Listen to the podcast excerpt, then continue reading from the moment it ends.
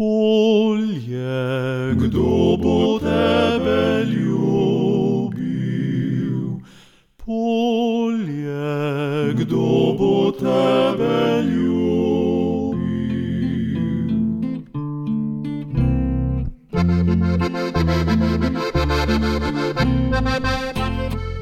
Spoštovane poslušalke in spoštovani poslušalci, lep pozdrav.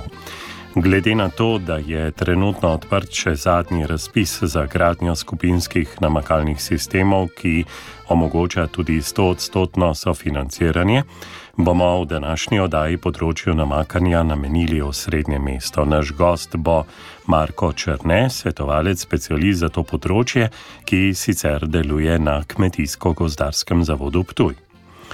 Na začetku pa se vendarle najprej ustavimo pri političnih temah. Novo točkovanje za območja z omejenimi dejavniki za kmetijstvo sproža številna vprašanja. V minulem tednu so o tem na pobudo SDS govorili na odboru Državnega zbora za kmetijstvo. Kmetje v Halozah, pa tudi na nekaterih drugih območjih po Sloveniji, so namreč kritični do sprememb, ki se v novem programskem obdobju slovenske verzije skupne evropske kmetijske politike obetajo na področju plačil za območja z omejenimi dejavniki za kmetijstvo. Haloške kmete, ki so v začetku novembra na Ptuju zaradi tega pripravili protest, je v sredo obiskala kmetijska ministrica Irena Šinko. Nekaj ur prej je takole odgovorila na očitke, da na ministrstvu ne mislijo resno z odpravo anomalij, ki so se prikradle v sistem. Če mi z pregledom in revizijo tega modela točkovanja ne bi mislili resno, ne bi danes šli na, v Haloze na ogled, kljub temu, da vemo, kakšno je vreme, smo se dogovorili in dejansko, da se na terenu prepričamo, o čem se, o čem se, o kaj je tisto, kar je problematično in da potem tudi vidimo, kaj lahko v modelu naredimo. Pomembno je pa povedati tukaj tudi to, da dejansko prve, eh, konec meseca junija bodo dejansko vložene vse vloge za subvencije in takrat se bo točno videlo, kakšen je tisti znesek sredstev, ki obsega, ki obsega in da potem vidimo glede na razpoložljiva sredstva, kako se lahko, kako se lahko prerasporedi glede na model, ki se bo pa sedaj že, ko ga bomo dejansko na terenu si ogled upravili in videli, kaj se lahko spreminja. Tako da za samo, za samo korekcijo modela oziroma spremembami mi ne čakamo do, konc, do konca junija, ampak se o tem pogovarjamo že danes, tako kot smo se dogovorili. Ministrica je v sredo v Haloze tudi dejansko odšla in tam obiskala tri kmetije ter se na lastne oči prepričala o tem, kako strmina vpliva na možnosti kmetovanja. Pohvalila je kmete, da kljub težkim pogojem skrbijo, da je pokrajina lepo obdelana in napovedala, da so v strateškem načrtu načrtu skupne kmetijske politike za obdobje od 2023 do 2027 predvidene določene intervencije za male kmetije, da se preusmirijo v tržno pridelavo, kar bi pomagalo pri njihovem preživetju. Ministrica pa je obljubila tudi intervencije v pomoč pri nakupu strojev za obdelavo na nagnjenem terenu.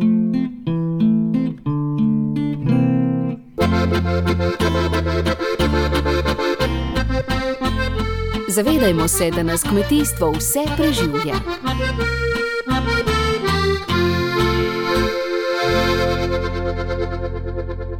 A zdaj je prav, da se najprej ustavimo ob zgodbi, ki ima že dolgo brado. V Sloveniji se namreč že dolgo časa govori o nujnosti spremembe točkovanja tako imenovanih območij z omejenimi dejavniki za kmetijstvo oziroma OMD območji, ki bi prinesla pravičnejšo obravnavo okoliščin, ki vplivajo na više stroške in več vloženega dela za obdelavo kmetijskih površin. Na sredinem odboru Državnega zbora za kmetijstvo je to predstavil predsednik Kmetijsko-gozdarske zbornice Slovenije Roman Žveglič. V Kmetijsko-gozdarski zbornici smo se seveda zavedali, da ta Robičev elaborat, ki je do zdaj veljal, se pravi, je zastarel, velja še iz prejšnjega sistema v enem delu. In ta sprememba na točkovanje se je začela leta 2009 in se je potem 2016, mislim, da ustavilo, ne, zaradi razno raznih, se pravi, ni bil izdelan in izpeljan bil do konca, ni bilo pripravljenih strokovnih in ostalih meto, eh, podlag. To se pravi, se je potem planiralo za novo, strateško, za novo, za novo finančno perspektivo in uh, naj bi seveda to bilo. In zdaj moram tako povedati, ne gremo v leto 2021. Svet Kmetijsko-gozarske zbornice je 12. augusta 2021 od eh, Ministrstva za kmetijstvo, gozarstvo in prehrano, se pravi 12. augusta, da je za potrebe plačil in novega točkovanja, zaradi široke javne razprave, zaradi zadev, ki lahko pridejo do anomalij, mora biti zadeva pripravljena pravočasno in pred oddajo strateškega načrta v potrditev Evropski komisiji, ker se, se lahko do takrat še kakšne stvari skorigirajo. Takratni kmetijski minister, gospod dr. Jože Podgoršek, je obljubil, da bojo te točkovanja in vse to pripravljeno do marca leta 2022, da bomo seveda lahko upravljali široko javno razpravo in da bodo jesen, ko bo treba strateški načrt oddati, stvari bile na čiste, da ne bo prihajali do kakšnih nesporazumov. Zdaj, zakaj smo ta metodologijo in ta izračun dobili šele septembra 2022, seveda je verjetno vprašanje za ministra Podgorška in ekipo na ministrstvu, jaz ne vem, to nismo uspeli dobiti odgovora, zakaj se je zadeva zavlekla. Se pravi, s tem osnutkom novega težkovanja smo bili prvič seznanjeni tik pred oddajo strateškega načrta 2023-2027 Evropski komisiji. S podrobnostmi se je svet seznanil 23.9. Odbor se pravi za, za, za gorsko višinsko svet pa 29. septembra letos.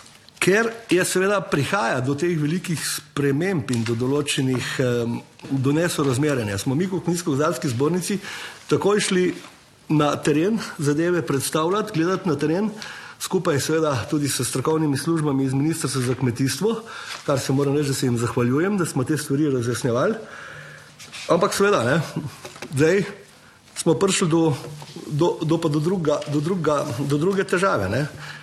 Strateški načrt se pravi, je, so napisane točke in so napisane in je napisana vsota. Še enkrat moram reči, da tudi pri samih teh zavedanju pomembnosti in težavnosti kmetovanja na teže pridelovalnimi pogoji, smo tudi takrat, ko smo se s prejšnjo vlado pogajali in tudi zdajšnjo za dodatna sredstva in katere smo pridobili, seveda se je tudi namenilo dobrih 5,5 milijonov evrov za to kmetovanje na, na teh območjih na letni ravni več.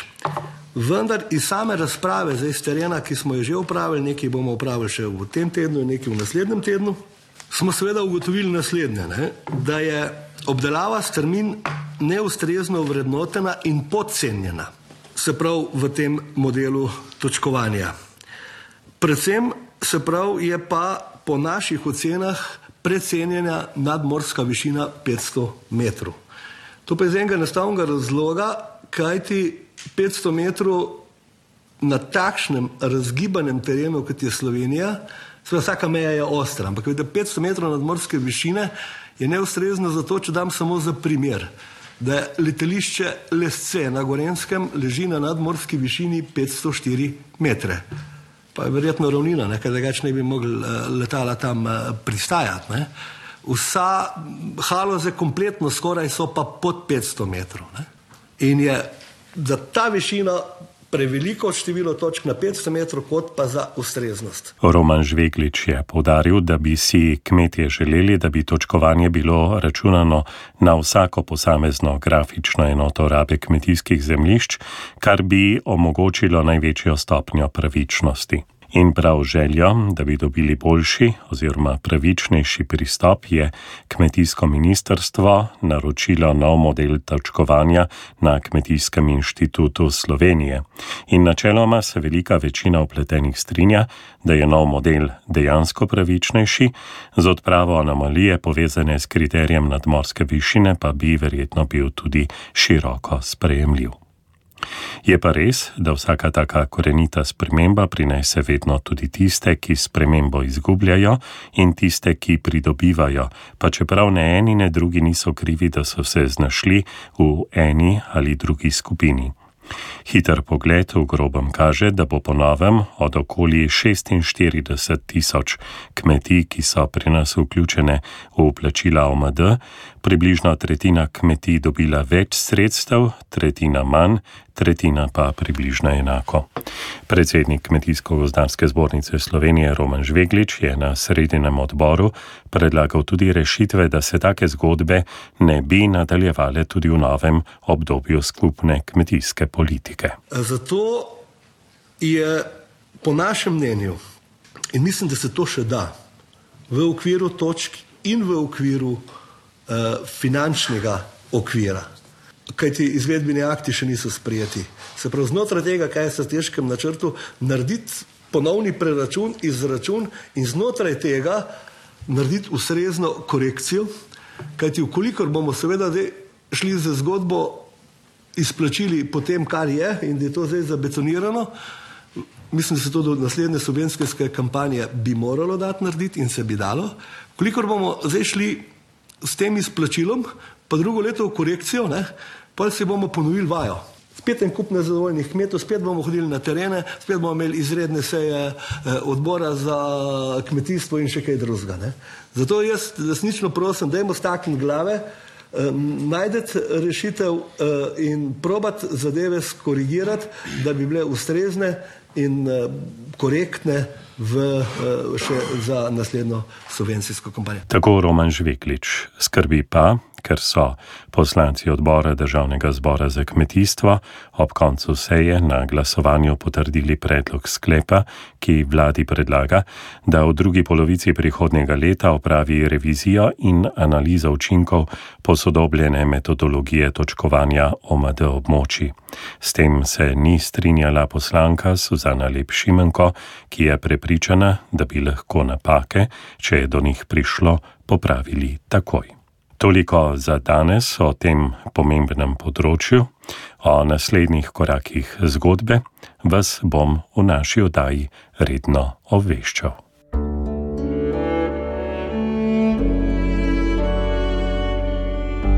Poslušate podcast Radia Ognišče.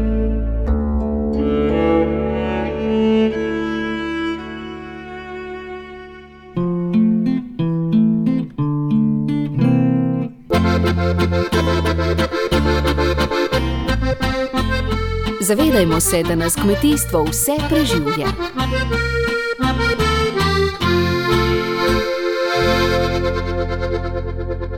Ministrstvo za kmetijstvo, gozdarstvo in prehrano je objavilo peti javni razpis za naložbe v skupinske namakalne sisteme. Eh, javni razpis omogoča pridobitev nepovratnih sredstev Evropskega kmetijskega sklada za razvoj podeželja in iz proračuna Republike Slovenije in sicer za gradnjo namakalnih sistemov, ki so namenjeni več uporabnikom hkrati. Gre za zadnji razpis na tem področju v eh, tem obstoječem obdobju za katerega vlada tudi precejšnje zanimanje. Na nekaj stvari, na katere je dobro biti pozoren, eh, pa bomo počrtali v pogovoru s svetovalcem, specialistom za to področje, ki deluje na Kmetijsko-gozdarskem zavodu Ptuj. Eh, gospod Marko Črne, lepo pozdravljeni. Dober dan. Eh, gre res dejansko za zadnji razpis v tem programskem obdobju, oziroma že peti razpis? Uh, ja, to je peti razpis za naložbe v gradnjo namakalnih sistemov, ki so namenjeni več uporabnikom. Uh, je pa to zadnji, ker se to obdobje zaključuje in v letu 2023 potem nastopi novo programsko obdobje oziroma udejanjanje strateškega načrta skupne kmetijske politike 2023 do 2027. Razpis je, kot ste tudi vi omenili, namenjen za namakalne sisteme, ki jih uporablja več kmetij, verjetno je tisto najmanj dve. Najmanj dve, ja. Ampak za sodelovanje morajo upravičenci prej, ko gredo tja, da vložijo vlogo, imeti uh, kar nekaj ključnih dokumentov. Uh, za te dokumente ponavadi uh, je kar potreben čas, da jih pridobimo. In že pred leti ste rekli vsi tisti, ki ste zainteresirani za take stvari, čim prej si pridobite take dokumente. Katere tri, gospod Marko Črne? Ja, točno tako. Se pravi, za prijavo na razpis mora vsak, se pravi investitor, naložbenik, zagotoviti najprej vodno dovoljenje, to pomeni vodno pravico, ki mu daje možnost uporabo vodnega vira za namakanje. Potem na koncu je odločba o uvedbi namakanja, ki jo izda Ministrstvo za kmetijstvo, gozdarsko in prehrano, ki je krovna odločba in pokriva tudi osta, vsa ostala, se pravi soglasja in dovoljenja po posebnih predpisih, ki jih je potrebno pridobiti v tem postopku. Če pa gre za večji namakalni sistem, se pravi od 50 do 100 hektarov, je potrebno pridobiti še oziroma upraviti predsod, predhodni postopek presoje vplivov na okolje, če pa nad 100 hektarov, potem pa celovito presojo vplivov na okolje. Tako da ta postopek v bistvu pridobivanja vseh teh dokumentov je kar zapleten, pa tudi traja kar nekaj časa, tako da je v bistvu uh, v tem času praktično prepozno začeti z iskanjem oziroma pridobivanjem teh dokumentov. To je bilo potrebno že prej opraviti. Gospod Marko Črne, tudi tokrat velja, ker ponavadi ljudje potem pozabimo in potem pride nov razpis in ugotovimo, tega pa nismo naredili, eh, da je dobro te dokumente, če smo zainteresirani, seveda, da bi naredili namakanje, vemo, kaj se dogaja s podnebnimi spremembami, eh, da jih nekako na zalogo pridobimo, ker verjetno tudi v novem obdobju čaka to področje, eh, kakšen razpis oziroma bodo sredstva za to namenjena. Ja, bojo, točno tako. Se pravi, namakanje je kljub vsemu, glede na podnebne spremembe, prednostna osebina uh, bodoče uh, kmetijske politike. Tako da razpisi na temo namakanja bodo tudi v prihodnje vsekakor. Tako da v bistvu tudi tisti, ki bojo zdaj zamudili, recimo, ali pa ne bojo uspeli pridobiti dokumentacije, imajo v naslednjem letu možnost pridobiti to dokumentacijo in potem seveda nastopiti na prihajajočih razpisih, ki pa vsekakor bodo. Če pa se zdaj ustaviva pri tem petem javnem razpisu za skupinske namakalne sisteme, kaj so upravičeni stroški, v katerih smereh pravzaprav je možno sofinanciranje? Sofinancira se v bistvu izgradnja črpališča, primarnega in sekundarnega voda do hidranta na zemlišču, kjer se potem uporabnik priključi svojo namakalno opremo. Se pravi, namakalna oprema ni del tega razpisa. Celoten namakalni sistem, se pravi črpališče cevovodi do hidranta, dodatno pa še ureditev vodnega vira, to pomeni, to je lahko vodni zadrževalnik ali akumulacija, izgradnja vrtine ali vodnjaka in še možnost priklopa na električno napeljavo, to pa je trafo postaja. To pomeni v bistvu celotna investicija do hidranta na kmetijskem zemljišču. Uh -huh. uh, dodal bi še to, da je financiranje do 100%, se pravi, če v bistvu so vsi te upravičeni stroški in se glede na katalog stroškov potem nekje do okrog 100% praktično celotno investicijo povrne uh, se pravi Evropska unija in Republika Slovenija. Torej bi lahko rekli, odlična možnost, vsi tisti, ki lahko pristopijo, bodo veseli v prihodnih letih, kaj ne? Točno tako. Ja. Točno tako. Eh, kje pa zainteresirani lahko dobijo več informacij? V razpisu sem videl, da so omenjene infotočke. Ja, informacije lahko pridobijo na infotočki Agencije za kmetijske trge in razvoj podeželja in seveda na vseh kmetijsko-gozdarskih zavodih po Sloveniji. Tam vam oziroma bomo vsem zainteresiranim uh, kmetovalcem z veseljem podali vse informacije in tudi možnosti za prijavo na razpis. Glede na to, kakšno leto je za nami, gospod Marko Črne, verjetno vsi tisti, ki so na prejšnjih razpisih eh, prišli do namakalne opreme, eh, uredili tudi namakanje, so bili zelo veseli letos, ker so se lahko suši dokaj izognili. Ja, absolutno, seveda. Letos je res ja, bilo izjemno leto, tam nekje ok, od konca junija preko celega julija do sredine avgusta praktično ni bilo padavin po celi Sloveniji in pridelki so bili dokaj ukrnjeni, ponekod so tudi, tudi propadli, tako da tisti, ki so imeli urejeno namakanje, so z veseljem uporabljali namakalno opremo za dodajanje vode.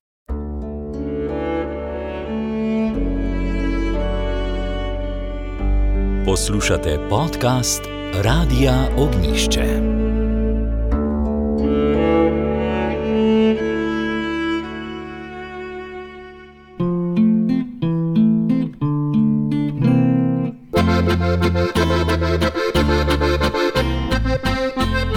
Na radiju Ognišče poslušate kmetijsko oddajo.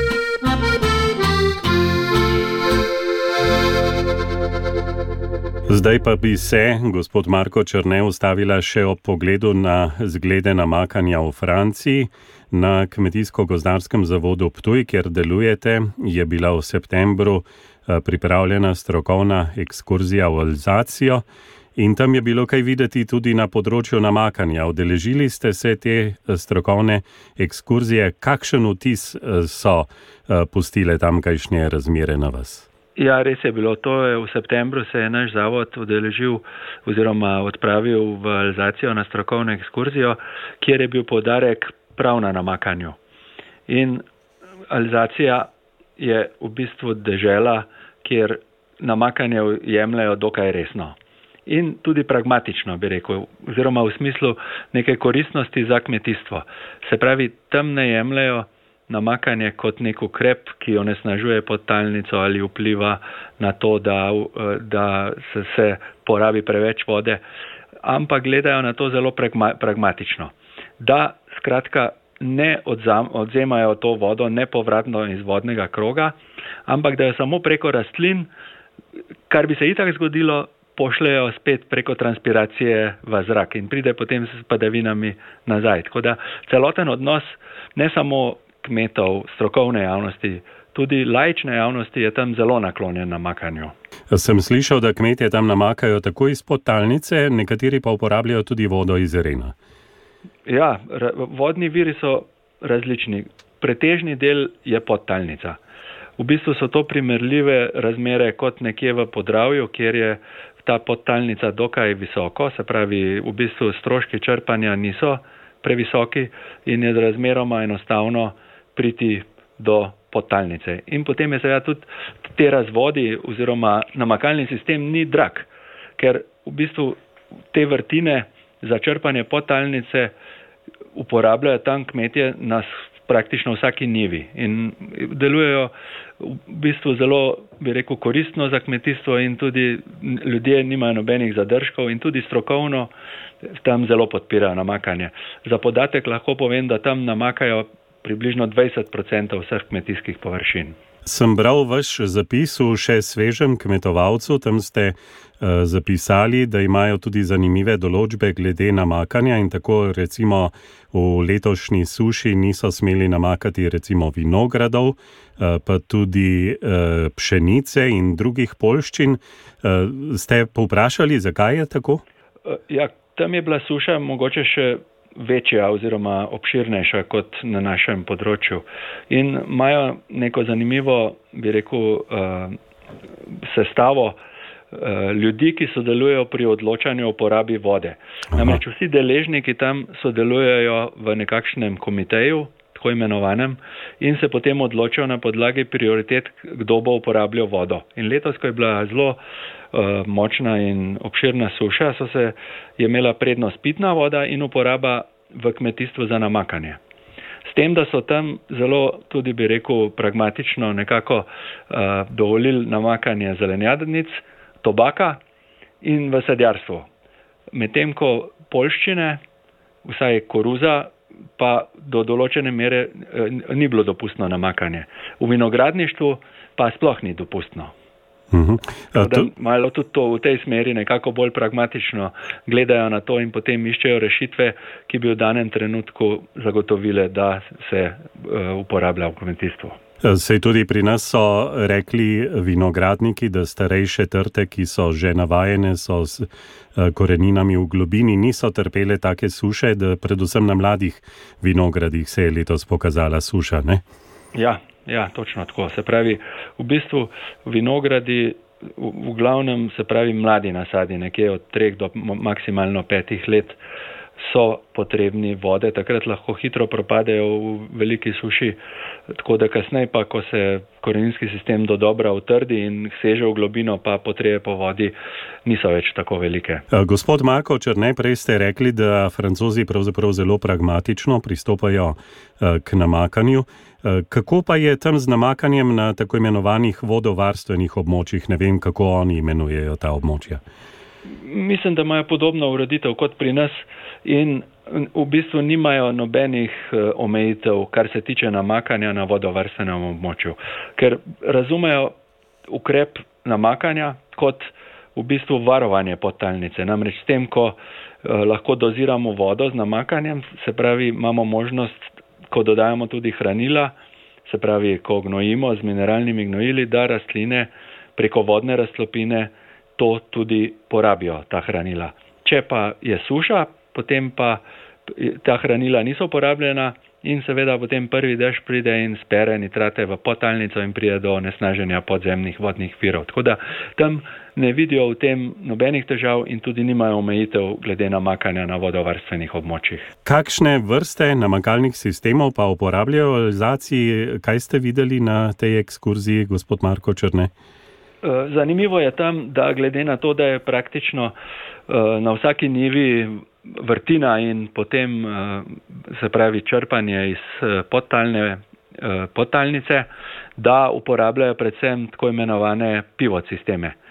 To pomeni, da je to sistem, ki ima črpalko v vrtini in potem na podlagi pritiska poganja celotno to, bi rekel, ta pivot sistem preko polja, ki to so velika polja tam od 20 do 30 hektarov, tako da je v bistvu namakanje tam tudi glede izgradnje in nakupa namakalne opreme dokaj poceni in tudi stroški namakanja so poceni, ker so vodni viri prisotni praktično na vsaki njivi. Tako da pretežno prevladujejo pivot sistemi, potem pa imajo seveda še kaplične sisteme in predvsem mini oziroma mikrorazpršilce za manjšo porabo vode. Torej bi lahko rekli, zelo podobno bi lahko tudi pri nas, čeprav ti pivot sistemi pa kar tirjajo velike parcele, kaj ne? Ja, ja, to je ključno, namreč za te more biti kljub vsemu velike površine, se pravi, za manjše površine pa ne samo, da morajo biti velike, tudi oblike morajo biti prave, tako da je to že v bistvu potrebno prej razmišljati v procesih komasacije in zložitve zemlišč. Uh -huh. Gospod Marko Črne, prej na začetku sva govorila, kakšna dovoljenja vse morajo pri nas imeti kmetje, ki želijo zdaj sodelovati na te, tem petem javnem razpisu za naložbe v skupinske namakalne sisteme. Pa me zanima, kako pa je v Franciji z birokracijo glede pridobitve dovoljen za namakanje. Se tudi tam postopki vlečejo? Postopki so tam zelo enostavni. V tem delu Francije, kjer smo bili mi, se pravi v Alzaciji, postopek traja nekje, nekje od 14 dni do 3 tedne. Oh. Pravi, vlogo da, bi rekel, se pravi, nekdo, ki se odloča za namakanje, da vlogo na javno svetovalno službo. Lahko je tudi to neka druga inštitucija, v našem primeru bi lahko bila. Tam pa je to javna svetovalna služba, ki pripravi tako imenovano mnenje o namakanju, pregleda vse omejitve v prostoru, pregleda možnost izrabe vodnega vira in poda, bi rekel, mnenje k tej vlogi, ki gre potem na dotično regijsko kmetijsko ministrstvo, ki v roku 14 dni do 3 tednov izda odločbo o uvedbi namakanja. In s tem lahko črpajo vodo in namakajo svoja kmetijska zemljišča. Tako da so glede tega tudi zelo, bi rekel, enostavni in se zavedajo dejstva, da je namakanje nujno potrebno za pridelavo hrane. Torej bi se tudi na tem področju lahko kaj pri nas naučili iz tega zgleda. Vsekakor, vsekakor. Predvsem v tem smislu, da se pravi, namakanje ni nepovratni odzem vode. Se pravi, mi to vodo, ki jo uporabljamo za namakanje, ne zgubimo zavedno. Jo zgolj začasno vzamemo iz vodnega kroga, obenem pa še nekaj. Te količine za namakanje niso enormne, niso tako znatne, da bi ogrozile vire pitne vode ali druge vodne vire. Tako da to so, gre za, bi rekel, neke manjše količine vode, ki pa seveda so odločilne za dober pridelek, za pridelavo hrane in za obstoj in razvoj kmetijstva na določenem območju. Še posebej, če z našimi izkušnjami, z našimi parcelami, z našimi recimo, z našo pridelavo zelenjave, ko nekako baziramo bolj na kapljičnem namakanju, ker je to tudi najbolj enostavno izvedljivo na manjših parcelah, je to pravzaprav lahko počrtava. Gre za manjšo porabo vode, ki je zelo učinkovito uporabljena? Točno tako, točno uh -huh. tako. In to je gluh tudi cilj. V bistvu gre zgolj za to, da bi nekako za razumevanje tega, kaj namakanje v bistvu je ne? in da uh -huh. spremenimo odnos do tega, ne pa da se v bistvu bojimo teh ukrepov namakanja, kot da bi uh, počeli ne vem kaj, ampak gre za čist enostaven uh, ukrep v kmetijstvu, ki tudi ne porabi veliko vode. Gospod Marko Črne, se vam zdi, da pri nas je interes za namakanje? Kaj vi opažate tam na vašem območju? Ja, jaz mislim, da je kljub vsemu, kljub vsem te zahtevni Eh, dokumentacije oziroma pridobivanje dokumentacije, da interes vsekakor je, ker tisti, ki, se, ki imajo tržno pridelavo brez namakanja, praktično več ne gre. To pomeni ali pridelava zelenjave ali pride, tudi pri polščinah je v bistvu leto se izkazalo, da je namakanje nujno potrebno. Tako da interes vsekakor je, eh, rešitve pa bi morale biti enostavnejše, da bi nekako hitrejše in Eh, lažje prišli do vseh dovolen in da ne bi to, ta postopek zapletli, kot da umeščamo nek uh, neverjeten objekt v prostor. Tako, eh, če še čakamo, da bo država postala pragmatična, da se bo recimo naučila nekaj iz tega zgleda iz Francije, iz Alzacije, pa so lahko pragmatični tudi kmetovalci.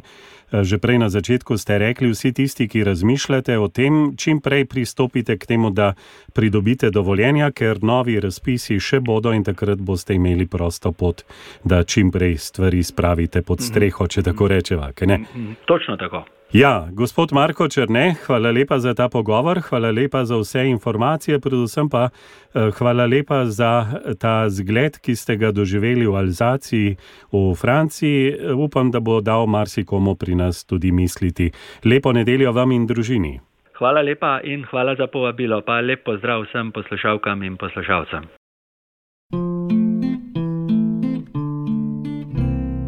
To je vse, kar sem pripravil za naše današnje druženje, spoštovane poslušalke in spoštovani poslušalci. Andrej Jerman in Robert Božič, ki sva bila z vami, se poslavljava in vam želiva lepo nedeljo. In se slišimo spet čez teden dni. V prihodnjih dneh pa vsako jutro ob devetih ne zamudite rubrike Minute za kmetijstvo in podeželje v torek ob 11.15 pa ne zamudite tudi zadružnih odmevov. Vse dobro.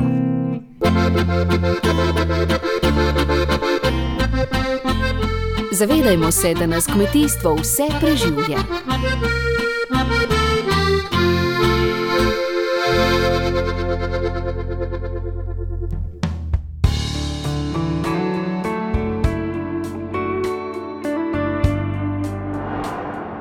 Hvala za poslušanje. Podprite brezplačen dostop do naših vsebin in postanite prijatelj Radia Ognišče.